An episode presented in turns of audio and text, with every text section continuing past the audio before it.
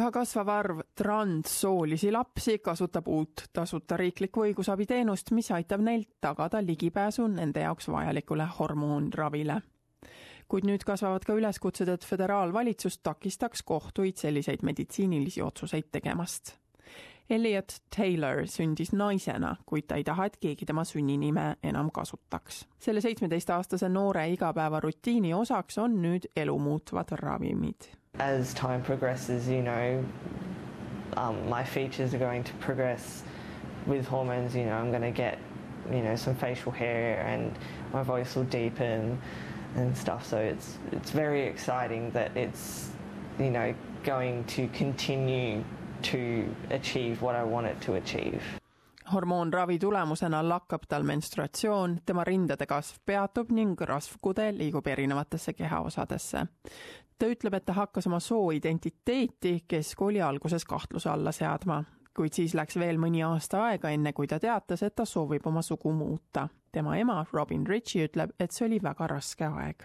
Elliot had probably pretty much reached breaking point in um, holding everything in. Um, so we had um, some issues at, at home, I guess, and he finally sort of broke down one day and just told us, um, which was a big relief in a way.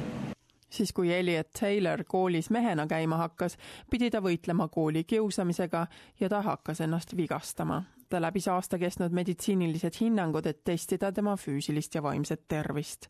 kuid ta ütleb, et tal läks vaja ka perekonnakohtute luba selleks, et alustada pöördumatut hormoonravi, mida teatakse teise etapi ravi nime all, mis muudab tema sugu. At the start when we sort of found out that you still had to go through court for it, it was quite sort of yeah, slap in the face again. It was um, that shock of like, you know, I may not be able to go on hormones before I turn 18. And that was like really scary and upsetting.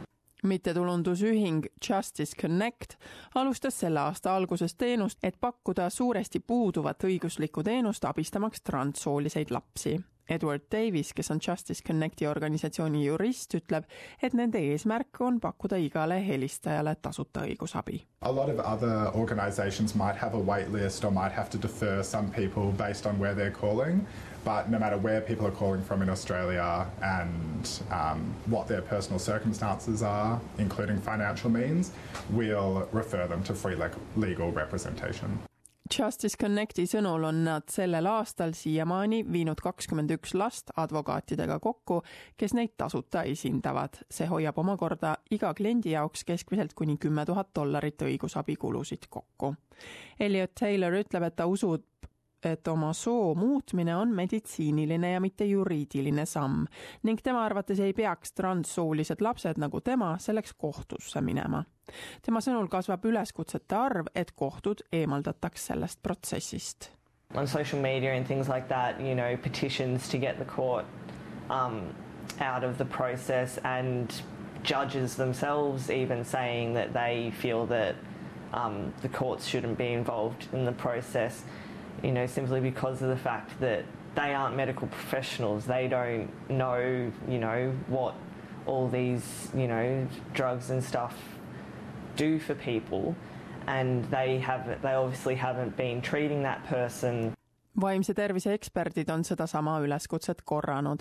Karen Field on vaimse tervise ja heaoluteenuse Queer Space tegevjuht Not only does it have a huge impost uh, and very unnecessary impost on that child or young person, but in, also in terms of the family. There's the human cost in terms of um, the added stress and anxiety and strain and almost traumatic experience of actually going through that court system.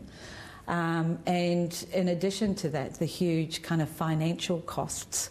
Robin Ritchie ütleb, et ta ei saaks olla uhkem oma poja otsuse üle proud that he's had the conviction to continue and um, push for what he wants. Yeah. And um, he's blossomed, I guess, over the last 12 months. Yeah, just the, a lot more positive, a lot more outgoing, doing what normal teenagers do. tema poeg keskendub nüüd oma hormoonravi lõpetamisele ning keskkooli lõpetamisele